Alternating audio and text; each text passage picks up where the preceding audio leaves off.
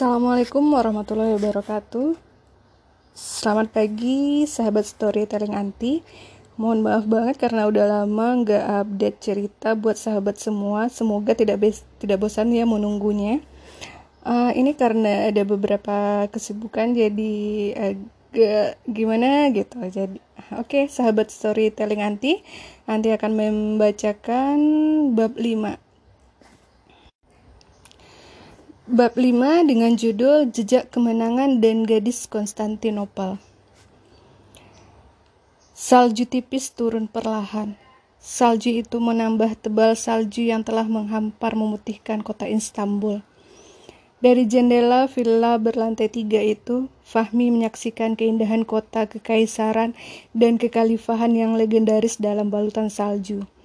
Villa itu terletak di pinggir jalan di kawasan perbukitan Gamlika di Iskudar. Sehingga tampaklah panorama Istanbul yang mempesona. Jendela itu menghadap ke barat. Di kejauhan, tampaklah selat Bosporus yang memisahkan daratan Asia dan Eropa. Jembatan yang menghubungkan Asia dan Eropa itu mirip Golden Gate di San Francisco. Tapi tidak berwarna merah, justru tampak putih berbalut salju. Atap-atap bangunan dan rumah-rumah khas Turki yang biasanya berwarna merah kini putih bersih. Atap gedung Haidar Pasa, Istana Topkapi, Masjid Hagia Sophia, Masjid Biru, Menara Galata, semua disepuh oleh salju berwarna putih. Jalan-jalan memutih. Pohon-pohon yang tinggal reranting tanpa, da tanpa daun, tanpa indah seperti menjadi pohon es. Sebab ranting-ranting itu telah dibalut es yang bening. Fahmi tidak putus mengucapkan tasbih melihat pemandangan alam yang baginya sangat menakjubkan itu. Bagi orang Turki, mungkin sudah biasa karena setahun sekali mereka menemukan salju, tapi bagi dia yang orang Lumajang itu sangat luar biasa.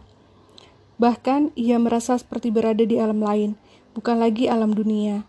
Alam yang serba putih, indah, dan terasa magis. Sudah tiga hari ia di Istanbul, dan ia belum juga bosan menikmati keindahan salju. Salju turun semakin deras, suasana semakin terasa magis. Selain keindahan panorama alam, kota yang terletak di dua benua itu memiliki pesona sejarah yang tidak tandingannya. Maka ia seolah tidak percaya bahwa ia kini berada di jantung Istanbul, sama dengan tidak percayanya ketika ia dulu untuk pertama kalinya menginjakan kaki di tanah haram Madinah Al-Munawwarah. Tiba-tiba, Kelebatan-kelebatan sejarah muncul dalam ingatannya begitu saja. Berkelebat seperti kuas menggores kanvas, tidak selalu berurutan, tidak selalu sama panjang goresan dan warnanya. Kadang lurus, kadang melengkung, kadang tipis, kadang tebal. Tetapi menjadi sebuah lukisan yang padu, lukisan sekilas sejarah Istanbul yang memikat. Jauh sebelum Masehi, suatu zaman Suatu masa di zaman Yunani kuno, Bizas dari Megara sebuah kota Athena berniat mendirikan sebuah kota. Ia meminta nasihat kepada Orakel Delphi, semacam pendeta yang bertugas di kuil dewa Apollo di kota Delphi yang terletak di lereng gunung Parnassus. Kota Delphi sendiri disebut-sebut oleh bangsa Yunani sebagai pusat dari tata surya. Dan Orakel Delphi diyakini mendapat perlindungan dewa Apollo. Orakel Delphi memberitahu Bizas untuk mendirikan kota tepat di depan si buta. Bizas bingung memahami maksud petunjuk Orakel Delphi. Namun, Bizas terus saja berlayar mengalu, mengarungi Laut Aegea atau Ege Denizi dalam bahasa Turki hingga sampai Selat Bosporus. Sampai di selat yang menghubungkan Laut Hitam dan Laut Marmara itu, tiba-tiba Bizas menyadari maksudnya. Di pesisir timur, timur Bosporus, pesisir Asia, berdiri sebuah kota Yunani, Kalsedon. Bizas yakin mereka yang dimaksud dengan si buta, karena tidak melihat wilayah yang jika dijadikan markas akan menjadi wilayah yang jauh lebih superior, dan wilayah itu ada di depan mata mereka, yang jaraknya tak lebih setengah mil jauhnya di seberang Bosporus. Bizas mendirikan kotanya di wilayah strategis itu dan menamakannya Bizantion, yang dia yang dia diambil dari namanya sendiri.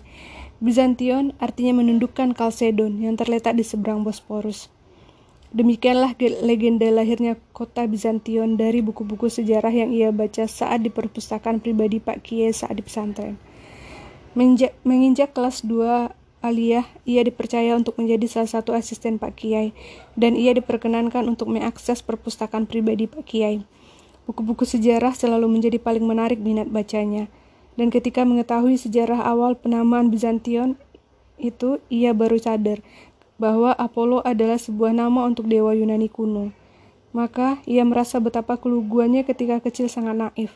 Ia ingat betul, saat masih di sekolah dasar cita-citanya ingin menjadi astronot. Ia ingin naik ke angkasa mengendarai Apollo. Ia sangat membanggakan Apollo. Dan ternyata Apollo adalah nama dewa Yunani kuno. Setelah tahu sejarah hidup Nabi Muhammad SAW dengan detail, ia lebih bangga jika bisa mengendarai Kaswa daripada Apollo. Kaswa adalah nama salah satu unta legendaris Nabi Muhammad SAW. Ingatannya lalu berkelebat pada masa Kaisar Octavianus Augustus, yang menjadi penguasa tunggal kekaisaran Romawi mulai 27 sebelum Masehi hingga kematiannya pada 14 Masehi. Pada masanya masanya lah Imperium Romawi memulai masa keemasan. Itu setelah Kaisar Agustus mengakhiri perang saudara berkepanjangan dan menciptakan kedamaian, kesejahteraan, dan kemegahan bangsa Romawi yang disebut Pax Romana. Pada masa Kaisar Agustus inilah Nabi Isa alaihissalam atau disebut Yesus oleh penganut agama Nasrani dilahirkan. Nabi Isa diutus Allah untuk menyampaikan risalah tauhid agar bangsa Israel dan bangsa Romawi yang menguasai tanah Palestina saat itu hanya menyembah Allah Subhanahu wa taala. Ajaran Nabi Isa berkembang di masa Imperium Romawi tengah menggenggam kekuasaan terluas di atas muka bumi ini. Puncak Pax Romana adalah mas pada masa kekuasaan Kaisar Trajanus, berkuasa antara 98 sampai 117 Masehi, di mana pada masa itu pemerintahannya mencakup kira-kira 6,5 juta kilometer persegi permukaan tanah di atas bumi.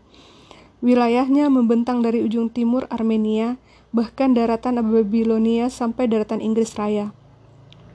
Seluruh dataran utara Afrika berada dalam genggamannya saat itu, Bizantion atau juga dikenal kota Bizantium berada dalam kekuasaan Romawi. Kaisar Trajanus terkenal sebagai kaisar yang diktator dan lalim.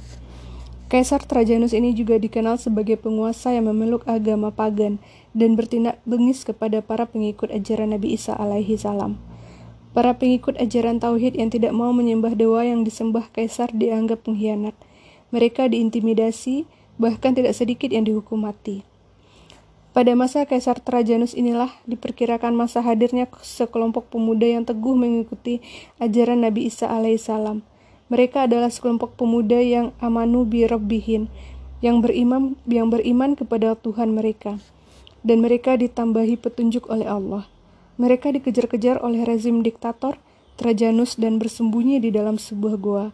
Dan Allah menidurkan mereka selama 309 tahun lamanya. Mereka dikenal dengan sebutan Ashabul Kahfi. Mereka tidur kira-kira di masa Kaisar Trajanus dan dibangkitkan oleh Allah 309 tahun kemudian di masa Kaisar Theodosius II berkuasa. Hanya Allah yang tahu pastinya. Para ahli sejarah bisa berselisih pendapatnya. Salju itu terus turun mengalir. Ada banyak peristiwa besar terjadi saat salju turun sejak zaman kuno. Ada banyak kejadian terabadikan dalam sejarah bersamaan bergulirnya waktu. Ia menghela nafas. Ia menatap ke selat Bosporus, ke arah istana Topkapi. Itulah daratan yang disebut Bizantium, pusat kekaisaran, pusat perebutan pengaruh dan kekuasaan berabad-abad lalu.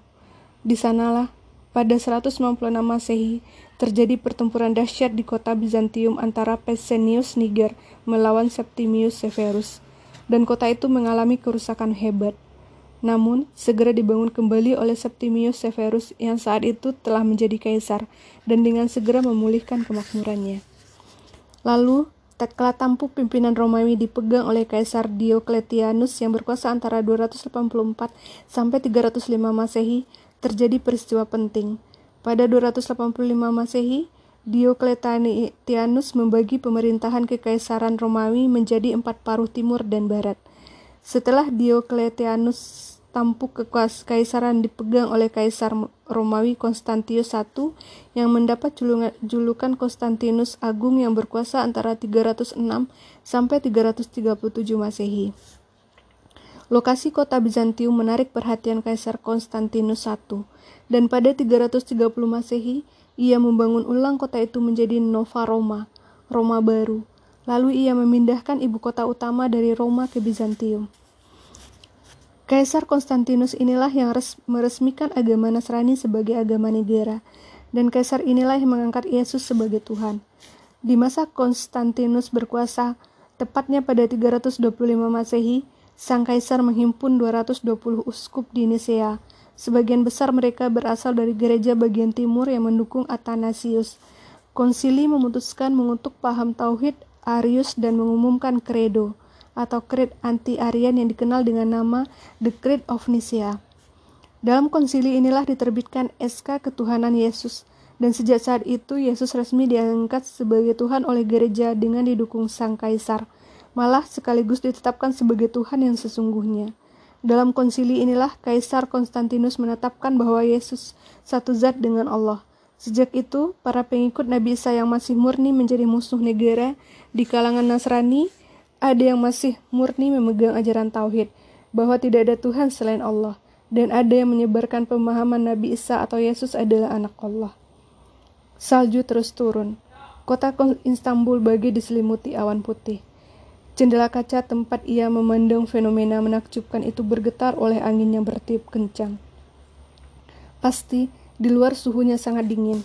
Beruntung ia berada dalam villa yang tiap ruangannya ada penghangatnya. Tiba-tiba, ia teringat kenapa membaca surat Al-Ikhlas, yang kedahsyatannya seumpama membaca sepertiga Al-Quran.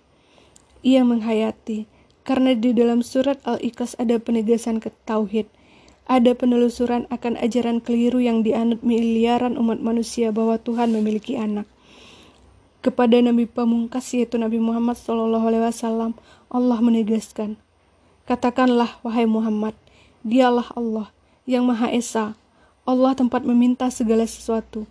Allah tidak beranak dan tidak pula diperanakan, dan tidak ada sesuatu yang setara dengan Dia. Sebuah konsep ketuhanan yang sempurna, konsep teologi yang tidak ada cacatnya. Tuhan adalah Tuhan yang tidak boleh ada yang sama dan setara dengannya, dan tidak ada Tuhan kecuali Allah. Itulah ajaran tauhid seluruh nabi-nabi Allah. Ia jadi ingat Al-Maidah ayat 116 dan 117. Ah, jelas sekali Nabi Isa atau Yesus tidak pernah menyatakan dirinya atau ibunya sebagai Tuhan yang harus disembah. Dia tegas menyatakan tidak ada Tuhan yang patut disembah selain Allah, dan dia mengajak para pengikutnya untuk menyembah hanya kepada Allah yang Esa. Namun, ajaran itu diubah. Ia menghela nafas.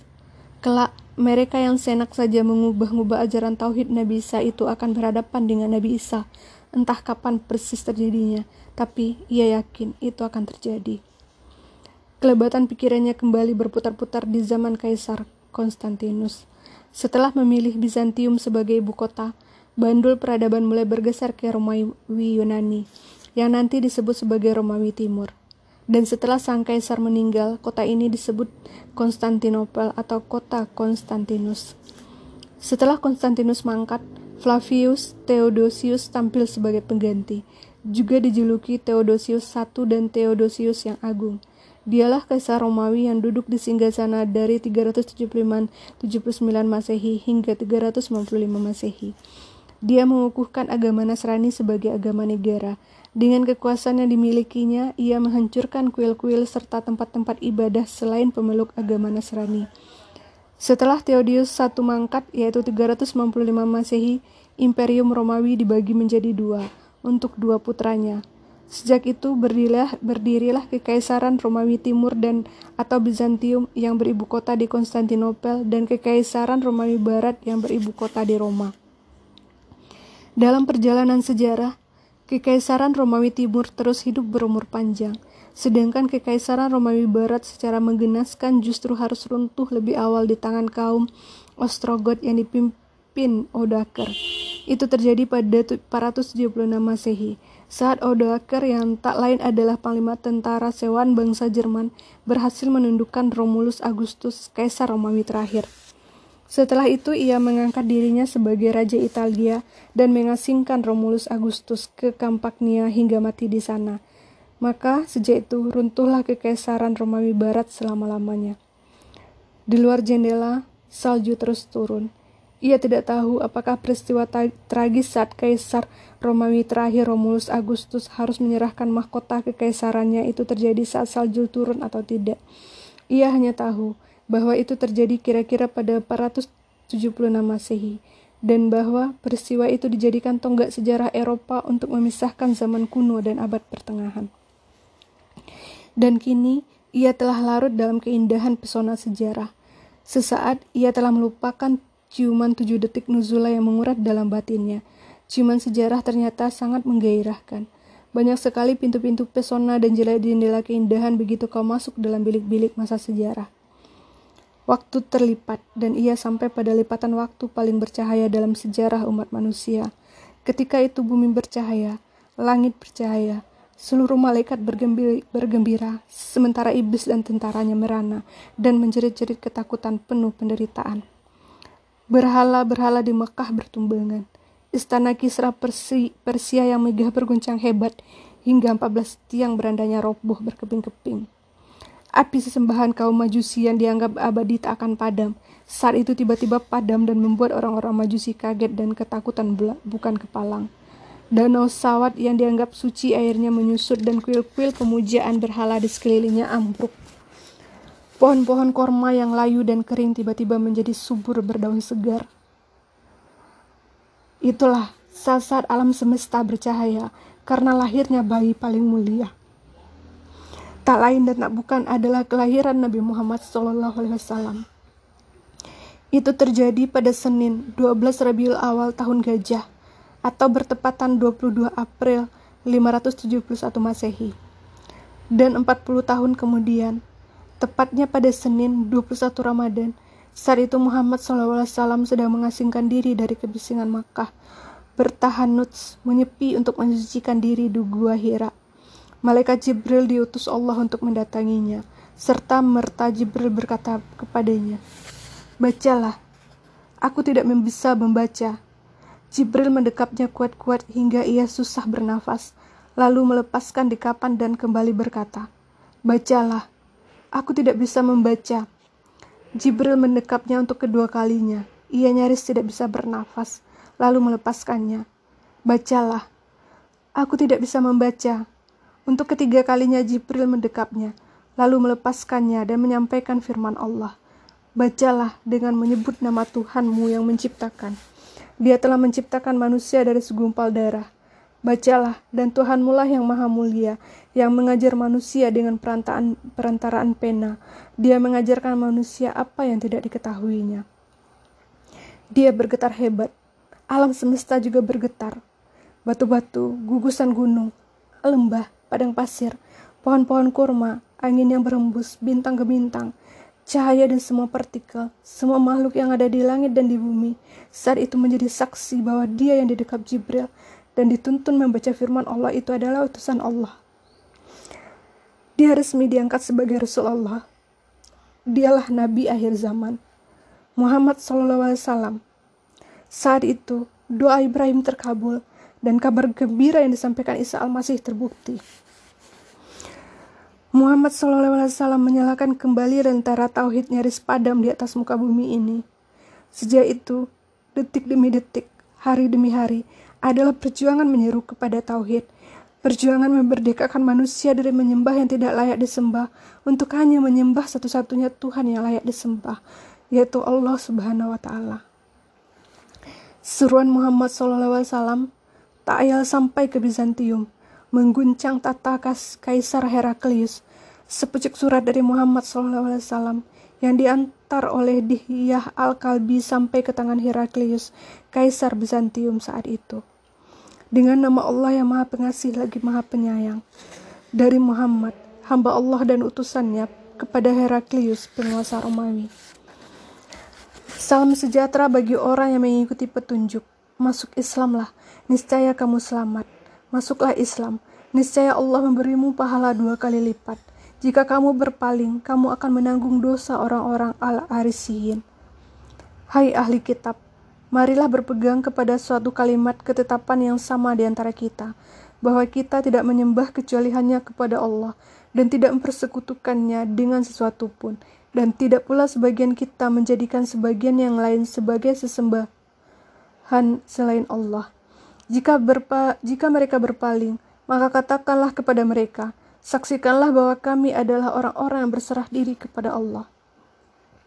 Itu bukan surat biasa. Karenanya Heraklius langsung mencari tahu siapa sebenarnya Muhammad SAW. Di antaranya ia mencari tahu lewat, lewat kafilah dagang Quraisy saat itu.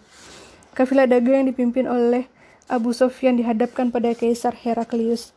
Terjadilah dialog panjang yang diabadikan dalam Sahih Bukhari dan Muslim. Dari dialog itu, Kaisar Heraklius memberikan pengakuan bahwa Muhammad benar seorang nabi dan rasul.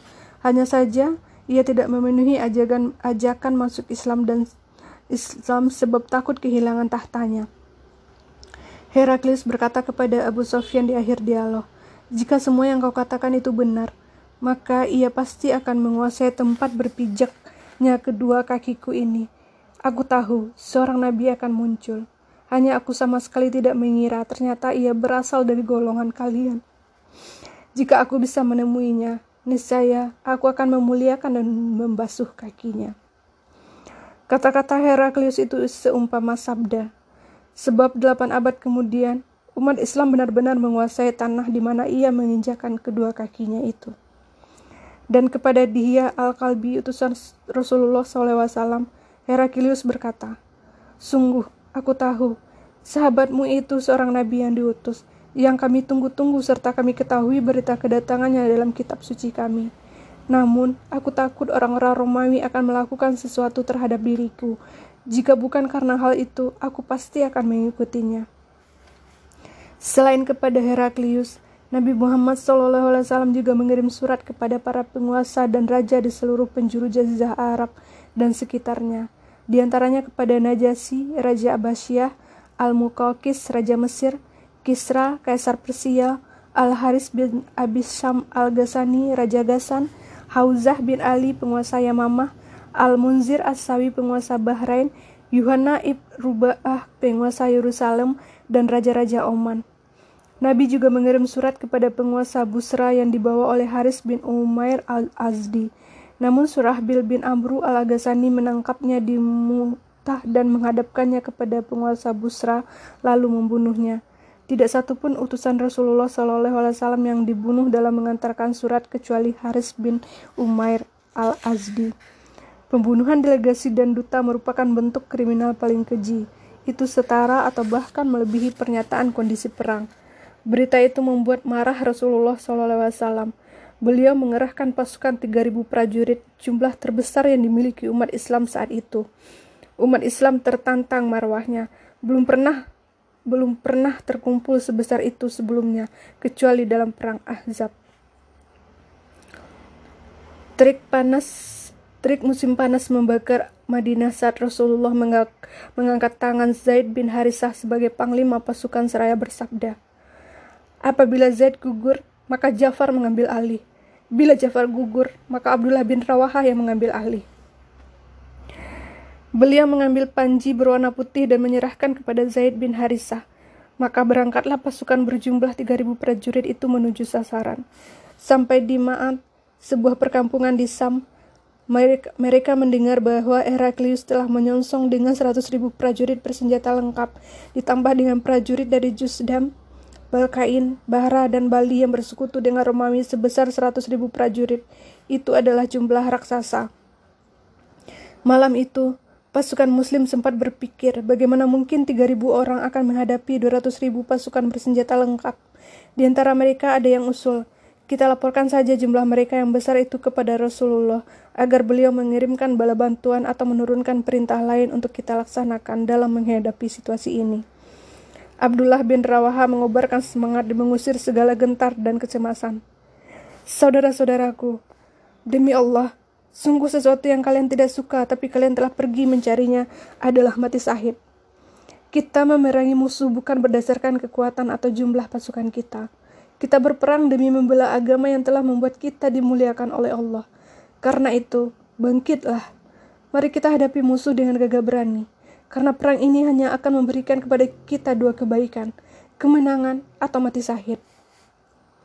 Semangat pasukan Islam terlecut mereka tanpa getar sedikit pun melanjutkan perjalanan, dan pertempuran sangat dahsyat terjadi di Mu'tah. 3.000 pasukan Islam melawan 200.000 pasukan Romawi.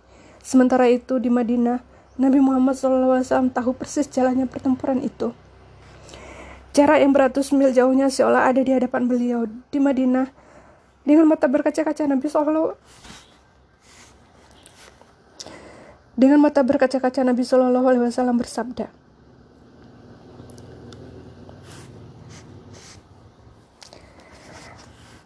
Zaid memegang panji, lalu terbunuh. Kemudian Jafar mengambilnya, dan ia pun terbunuh. Kemudian Ibnu Rawaha mengambilnya, dan ia pun terbunuh. Hingga tampil Saif bin Suyufillah, atau pedang dari pedang-pedang Allah, yaitu Khalid bin Walid mengambil panji hingga Allah menganugerahkan kemenangan atas mereka. Memang itulah yang terjadi. Dari kalangan pasukan Islam 12.000 orang mati syahid termasuk Zaid, Jafar, dan Ibnu Rawaha. Sementara dari kalangan Romawi tidak terhitung banyaknya yang terbunuh. Meskipun tampaknya kalah, tapi sesungguhnya itu adalah kemenangan besar pasukan Islam. 3.000 melawan 200.000 itu dianggap sebagai bunuh diri. Orang-orang Arab saat itu sungguh sudah mengira bahwa 3.000 itu akan dibabat habis oleh Romawi. Ternyata selamat, yang terbunuh hanya 12 orang. Dan dua belah pihak sama-sama mundur. Pasukan Islam mundur ke Madinah, pasukan mundur, Romawi mundur ke baratnya. Itulah kali pertama pasukan Islam bertempur melawan Romawi Bizantium itu terjadi pada bulan Jumadil Ula 8 Hijriah atau Agustus atau September 629 Masehi. Sejarah mencatat dengan tinta emas puisi Abdullah bin Rawaha yang ia lantunkan dengan lantang dalam perang Mutah itu. Wahai jiwa, Kalaulah tak terbunuh di sini, kau niscaya pasti mati jua. Di depanmu, jalan kematian paling sempurna telah terhampar seperti kau harapkan. Ayo, lakukanlah seperti kedua kawannya. Kau pasti bahagia. Tak terasa, air mata mengalir deras membasahi pipinya. Fahmi menangis. Ia malu pada dirinya sendiri Berkaca pada sejarah para suhada itu, para lelaki sejati itu, ia menjadi sangat malu. Detik-detik gugurnya tiga panglima Islam itu dalam perang Muta selalu membakar jiwa kesatrianya. Jafar bin Abi Talib memegang panji-panji pasukan Islam dengan tangan kanannya. Terjadi pertempuran dahsyat. Tangan kanannya itu tertebas, putus. Ia tak membiarkan panji-panji itu jatuh ke tanah. Langsung ia sambar ia pegang dengan tangan kirinya. Serangan pasukan Romawi sangat dahsyat. Tangan kirinya pun tertebas putus. Ia tidak putus asa. Ia pertahankan panji-panji itu. Ia gigit panji itu dengan gigi-giginya agar panji itu tetap berkibar hingga ia gugur untuk selama-lamanya. Jafar bin Abi Talib radhiyallahu anhu gugur dengan tubuh tercebik-cebik pedang dan tombak. Tak kurang dari 99 luka sayatan dan tusukan menghiasi tubuhnya yang mulia. Ia merasa malu. Kenapa ia sedemikian cengeng, sedemikian lemah, hanya karena seorang gadis bernama Nuzula, sampai ia harus merasa merana dan menderita. Kenapa jiwanya sedemikian kerdil, ia hanya dibelenggu kerinduan pada Nuzula.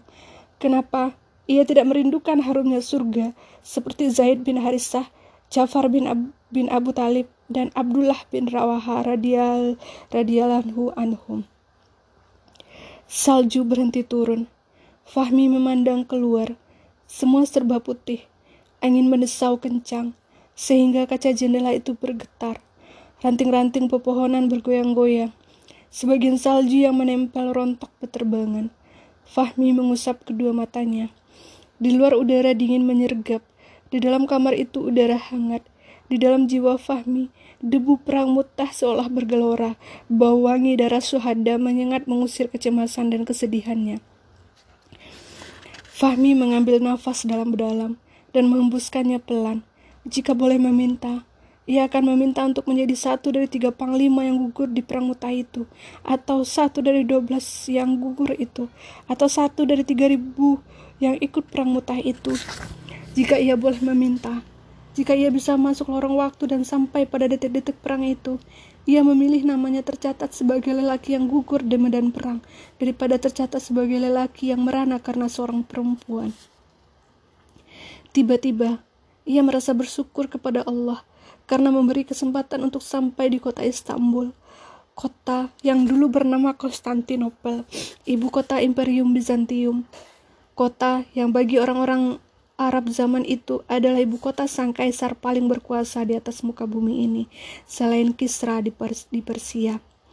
Betapa banyak raja-raja Arab yang mengemis minta menjadi bawahan kaisar Bizantium. Kepala-kepala suku di Jazirah Arab ketakutan jika disebut nama Kaisar Heraklius, penguasa Bizantium. Hanya Nabi Muhammad SAW dan para sahabatnya yang sedikit pun tidak takut dan gentar pada kaisar itu. Bahkan, Nabi Muhammad SAW dengan tegas memintanya untuk mengikuti jalan yang benar yaitu masuk Islam. Dan ketika ada satu utusannya yang dibunuh salah satu raja Arab yang masih menjadi anak buah Heraklius, Nabi Muhammad SAW tidak ragu untuk menghunuskan pedang ke leher Imperium Bizantium. Dalam perang Mu'tah, memang pasukan yang dikirim baginda Nabi SAW belum mampu menang secara total, tapi isyarat kemenangan sudah ada di depan mata dan baginda Nabi Shallallahu Alaihi Wasallam adalah pemimpin yang paling hebat dalam memotivasi umatnya. Suatu ketika, dengan sungguh-sungguh Nabi Shallallahu Alaihi Wasallam bersabda, kota Konstantinopel itu sungguh akan ditaklukkan oleh umat Islam. Pemimpin yang menaklukkannya adalah sebaik-baik pemimpin, dan pasukan yang berada di bawah komandonya adalah sebaik-baik pasukan. Sabda itu menjadi pemantik semangat yang luar biasa berabad-abad lamanya kota yang menjadi simbol dan pusat kendali kekuasaan imperium adik kuasa itu akan ditaklukkan oleh umat Islam. Cukuplah Nabi menyebut kepalanya, maka seluruh tubuhnya ikut serta. Tak perlu menyebut Yerusalem, Damaskus, Damaskus, Aleppo, dan kota-kota lainnya yang memiliki benteng yang kuat dan menjadi kota penting bagi Bizantium. Tak perlu disebut, sebab ketika sudah disebut Konstantinopel akan ditaklukkan, pasti yang lebih kecil akan ditaklukkan terlebih dahulu. Sabda itu seumpama sayembara. Semua pemimpin setelah Nabi wafat berlomba-lomba untuk menjadi penakluk Konstantinopel. Umar bin Khattab radhiyallahu memulainya dengan menaklukkan daratan Sam. Pasukan Romawi digilas oleh keperkasaan pasukan Umar bin Khattab radhiyallahu dalam perang Yarmuk. Mesir direbut oleh Umar, demikian juga Yerusalem. Belum sempat menyerang langsung Konstantinopel, Umar mangkat. Utsman bin Affan radhiyallahu pengganti Umar bin Khattab radhiyallahu melanjutkan perjuangan menggempur Imperium Romawi. Utsman membentuk armada laut sebanyak 1.600 kapal untuk mengamankan wilayah Afrika Utara yang telah dikuasai kaum muslimin, sekaligus untuk menggempur Romawi dari laut juga selain dari darat. Sejarah mencatat pada 650 Masehi, terjadi konfrontasi antara armada Islam yang dipimpin oleh Abdullah bin Abu Sarah melawan armada Romawi yang dipimpin Kaisar Konstantin II di Monfonik. Armada Romawi mengalami kekalahan telak. Tak kurang 20.000 orang pasukannya tewas.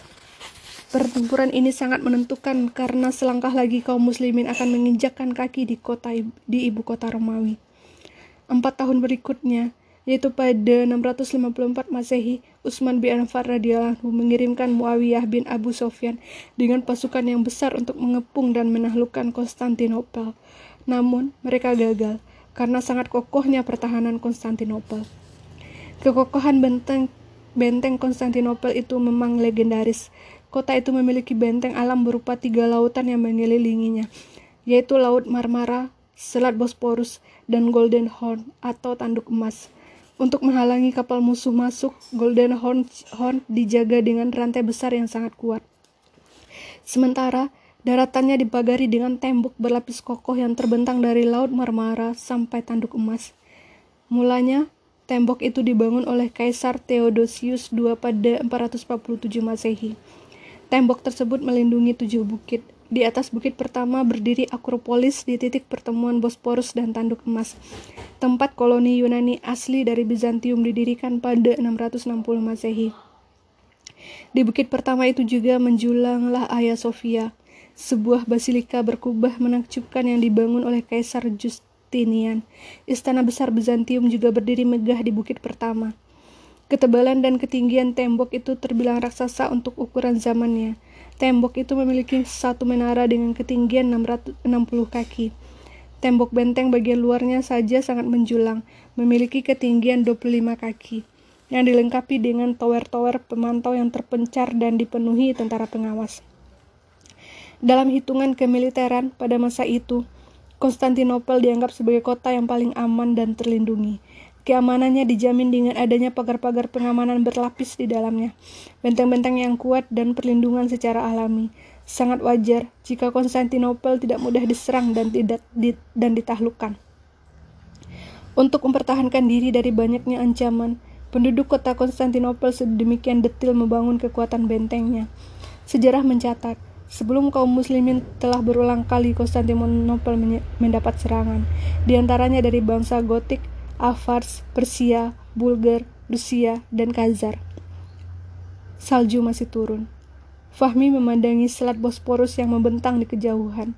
Selat itu menjadi saksi bisu puluhan ribu, bahkan ratusan ribu manusia yang gugur dalam pertempuran memperebutkan kota Konstantinopel itu, kota yang kini bernama Istanbul. Fahmi menarik nafas dan menghembuskannya. Ingatannya kembali berkelebat pada perjuangan umat Islam mengamalkan hadis nabinya untuk merebut kota Konstantinopel. Ingatan Fahmi berkelebat menuju 668 Masehi. Itu adalah masa kekhalifahan Muawiyah. Ia seolah melihat dahsyatnya kaum muslimin menyerang Romawi dengan menggunakan dua jalur, jalur laut dan jalur darat. Dari laut, Muawiyah mengerahkan armadanya yang gegah berani ke Hellespont menuju Laut Marmara sampai ke Selat Bosporus. Dari darat, pasukan Islam menerobos Asia Kecil menuju kota Kalsedon yang berada di Selat Bosporus. Pasukan darat kemudian dijemput armada laut dan diseberangkan ke pantai Konstantinopel. Namun sayang, benteng-benteng kota Konstantinopel tak bisa ditembus. Dengan jemawa, pasukan Romawi bertahan dengan senjata terbarunya, yaitu Greek Fire atau Wet Fire itu adalah senjata mutakhir zaman itu, berupa bola-bola berisi cairan nafta yang dilontarkan dan pecah sehingga berpendaran di permukaan laut. Lalu dari atas benteng, pasukan Romawi menembakkan panah api ke laut sehingga laut pun terbakar. Api yang menyala di atas laut itu tak ayal memangsa korban tidak sedikit. Pasukan kaum muslimin berantakan. Mereka gagal dalam penyerbuan ini. Bahkan, seorang sahabat Nabi, Abu Ayub al-Ansyari yang ikut dalam pasukan itu gugur bersama suhada yang lain. Abu Ayub al-Ansyari sempat berwasiat agar jika ia gugur, dimakamkan di titik terjauh arah benteng Konstantinopel yang bisa dijangkau pasukan Islam. Para sahabatnya menunaikan wasiat itu. Mereka berhasil menyelinap dan memakamkan beliau persis di sisi tembok benteng Konstantinopel di wilayah Golden Horn. Konon, Abu Ayub Al-Ansari berpesan demikian, sebab dia ingin mendengar suara takbir umat Islam saat kelak berhasil membuka kota Konstantinopel. Tiba-tiba, Fahmi diselimuti keharuan. Kedua matanya berkaca-kaca. Tidak ada yang salah sama sekali dalam wasiat Abu Ayub Al-Ansari, sebab mereka yang gugur sahid di jalan Allah sesungguhnya tidak mati. Mereka masih hidup di sisi Allah, dilimpahi rezeki yang tidak putus-putusnya. Ah, Abu Ayub Al-Ansari. Semua pertempuran bersama Rasulullah telah ia, ia alami dan akhirnya mendapatkan sahidnya di bumi Konstantinopel. Tiba-tiba, ingatan Fahmi berkelebat menembus waktu dan sampai pada saat penduduk Yastrib mengeluh-elukan kedatangan Rasulullah Shallallahu Alaihi Wasallam. Saat itu, sebagian penduduk Yastrib sudah masuk Islam dan sebagian sahabat Nabi sudah lebih dahulu hijrah. Mereka telah mendengar kabar bahwa Nabi Muhammad SAW telah berangkat hijrah menuju Yastrib. Orang-orang beriman begitu rindu ingin menyambut kedatangan Nabi, sementara orang-orang kafir dan Yahudi juga menunggu karena penasaran. Setiap hari, usai sholat subuh, penduduk Yastrib pergi keluar kota untuk menyambut baginda Nabi. Dengan penuh rindu, mereka menantikan kedatangannya hingga terik matahari musim panas menggelincir ke ufuk barat. Sampai akhirnya, setelah singgah di Kuba, Nabi ditemani Abu Bakar dan Ali bin Abi Talib yang akhirnya menyusul ke Kuba tiba di Yastrib. Ketika itu, seorang Yahudi melihat dari kejauhan. Ia berteriak, berteriak kepada kaum muslim, muslimin.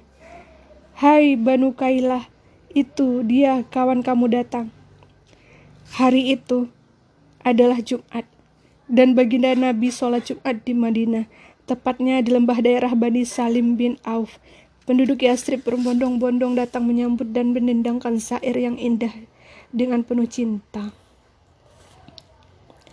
Tala al badru alaina min saniyatil wada'i wajabashi syukru alaina mada alillahi da'i ayyuhal mat ubsufina jiktabil amril muta'i Nabi memasuki kota Yastrib pada 12 Rabiul Awal. Sejak itu, Nabi Yastrib berubah jadi Madinah.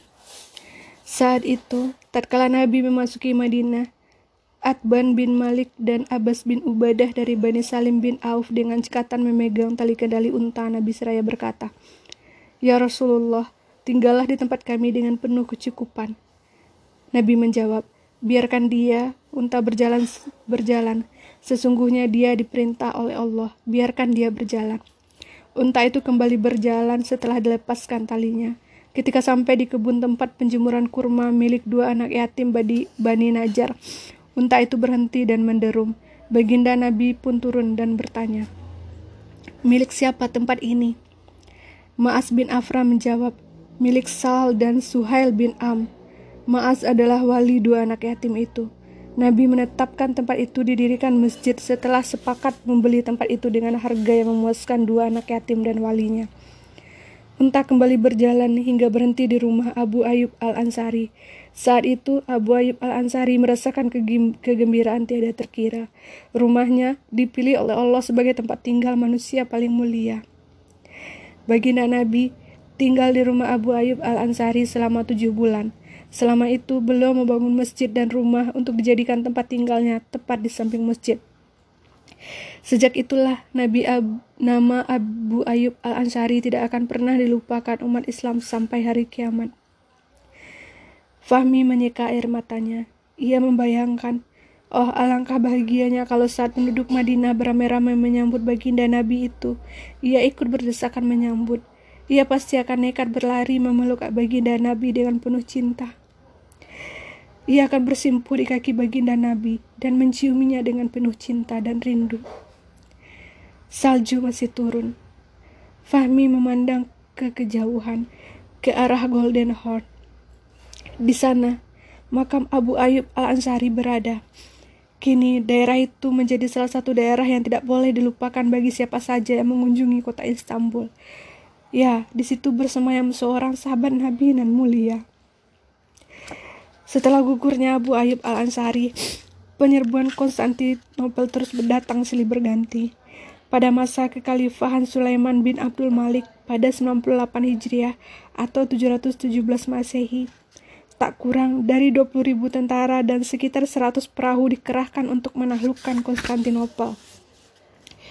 Pengepungan Konstantinopel berlangsung selama berbulan-bulan dengan pasukan yang dalam kondisi kritis karena keinginan kuat khalifah untuk menaklukkan Konstantinopel. Usaha itu tak juga berhasil akibat suhu dingin yang ekstrim Pasukan yang nyaris sekarat itu ditarik mundur oleh Khalifah Umar bin Abdul Aziz yang menggantikan Sulaiman bin Abdul Malik yang yang wafat saat pasukan masih berada di medan perang. Setelah dinasti Abani Umani setelah dinasti Abani Umayyah runtuh digantikan dinasti Abbasiyah, usaha untuk menaklukkan Konstantinopel terus berlanjut. Pada 90 Hijriah atau sekitar 810 Masehi. Serangan pasukan Harun al-Rashid sempat membuat Bizantium bergolak. Dan pada 464 Hijriah atau 1070 Masehi, pasukan muslimin di bawah bendera Sulhan Alip Arsalan yang berjumlah 15.000 berhasil mengalahkan 200.000 tentara Kaisar Romanus dari Romawi Timur. Sebuah kemenangan penting. Kemenangan itu melemahkan pengaruh Romawi Timur di Asia Kecil yang tak lain adalah wilayah-wilayah strategis Kekaisaran Bizantium. Dan setelah dinasti Abbasiyah di Baghdad dihancurkan oleh tentara Mongolia, maka tampuk kekuasaan berlari beralih ke tangan dinasti Utsmaniyah. Kota demi kota di Asia Kecil berhasil direbut, bahkan pelan namun pasti daratan Eropa berhasil dibuka. dan puncaknya pada Kamis 26 Rabiul Awal 457 Hijriah bertepatan dengan 6 April 1453 Masehi, Sultan Muhammad II bersama 150 ribu pasukan dan 400 kapal perang mengepung Konstantinopel. Kaisar Bizantium saat itu Konstantin XI Paleologus melakukan berbagai tawaran negosiasi demi untuk menyelamatkan kedudukannya. Akan tetapi, Sultan Muhammad II menolak semua tawaran itu. Bahkan, ia memberi saran agar Konstantinopel diserahkan saja secara damai kepada Khilafah Utsmaniyah tanpa pertumpahan darah. Muhammad II menulis surat kepada Kaisar Konstantin XI Paleologus bahwa ia akan memberikan jaminan keamanan bagi kaisar dan keluarganya, serta para pendukung dan semua penduduk yang ingin keluar dari kota itu dengan aman. Nyawa penduduk kota itu dijaga, dan mereka boleh memilih tetap tinggal di kota itu dengan membayar jizyah atau pergi meninggalkannya. Dan Kaisar Konstantin XI membalas surat Muhammad II bahwa untuk Konstantinopel ia telah bersumpah untuk melindunginya hingga hembusan nafas terakhirnya. Jika ia tidak dapat menjaganya, ia memilih dikubur di bawah pagar benteng kota Konstantinopel itu. Maka pada Ahad 18 Jumadil Ula 857 Hijriah atau 27 Mei 1453, Sultan Muhammad II memerintahkan seluruh pasukannya agar mendekatkan diri kepada Allah, mensucikan diri dan menjauhi segala maksiat, serta menambah amal ibadah dan bersungguh-sungguh berdoa kepada Allah agar memberikan kemenangan. Pada 28 Mei 1453, Sultan Muhammad II memastikan bahwa seluruh pasukannya siap merebut Konstantinopel. Sang Sultan melakukan inspeksi dengan sangat detail. Lalu ia memanggil seluruh komandan militernya dan menyampaikan amanatnya. Jika penaklukan Konstantinopel ini terwujud melalui tangan kita, maka terbuktilah salah satu hadis Rasulullah dan salah satu kemujizatannya terjadi pada kita. Itu sungguh sebuah keberuntungan kita mendapatkan kemuliaan yang ada dalam hadis itu. Maka sampaikan kepada semua tentara kita satu persatu bahwa kemenangan yang kita raih akan menambah keagungan Islam. Setiap tentara harus mengamalkan syariat dan meletakkannya di depan mata. Jangan sampai ada yang melakukan tindakan yang bertentangan dengan ajaran syariat. Jauhi gereja dan tempat-tempat ibadah. Jangan ada yang mengganggunya. Para pendeta dan orang-orang yang lemah yang tidak ikut berperang, biarkanlah jangan diganggu. Dan sejarah mencatat detik-detik menggetarkan itu. Pada pukul 1 dini hari, Selasa 20 Jumadil Ula atau 29 Mei 1453, setelah sholat tahajud, Sultan Muhammad II memberi komando dengan komando serangan umum atas kota Konstantinopel dengan teriakan takbir yang membakar semangat seluruh pasukan Islam. Pertempuran sengit berkecamuk, dan hari itu Sebelum matahari berada tepat di atas kepala, kaum muslimin sudah mengibarkan bendera kemenangan. Sore itu, Sultan Muhammad II memasuki kota Konstantinopel, diiringi segenap pasukan dan para komandannya. Sultan Muhammad II melewati gerbang Andrianopolis yang kini dikenal Edir Nekapi. Dengan haru ia berkata, Alhamdulillah, semoga Allah merahmati para suhada dan memberi kemuliaan kepada para pejuang di jalannya. Ia lalu berkata kepada seluruh pasukannya, Masya Allah, kalian semua benar-benar telah menjadi para pembuka kota Konstantinopel seperti dikabarkan Rasulullah. Dengan mata basah, karena keharuan akan besarnya karunia Allah, Sultan Muhammad Al-Fatih lalu bertakbir dan diikuti gemuruh takbir seluruh pasukan Islam. Sejak itu, Sultan Muhammad II mendapat julukan Sultan Muhammad Al-Fatih. Saat itu, umurnya baru 21 tahun dan telah memimpin salah satu penahlukan kota paling terkenal dalam sejarah umat manusia. Sultan Muhammad Al-Fatih meminta kepada pasukannya untuk berlemah lembut dan berbuat baik kepada semua orang. Beliau lalu turun dari kudanya, kemudian menghadap kiblat dan sujud syukur kepada Allah Azza wa Jalla. Fahmi seperti kan menyaksikan langsung bagaimana Sultan Muhammad Al-Fatih sujud, sujud syukur Seketika itu juga Fahmi menghadap kiblat dan sujud syukur. Ia bersyukur kepada Allah yang telah memberinya karunia bisa sampai di bumi Sultan Muhammad Al-Fatih. Ia bersyukur mengetahui sejarah emas kemenangan pasukan Islam menaklukkan Konstantinopel. Ia bersyukur Allah memberinya kenikmatan yang lebih mahal dari dunia si isinya, yaitu iman dan Islam. Fahmi bangkit dari sujudnya saat ia mendengar suara bel berderit-derit. Fahmi keluar dari kamar itu dan turun ke ruang tamu.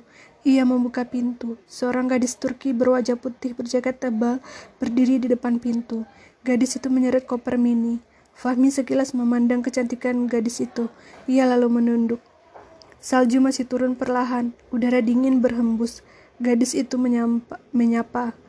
Hai merhaba, Fahmi menjawab. Merhaba. Maaf, boleh saya masuk? Di luar dingin sekali. Fahmi bingung dan ragu.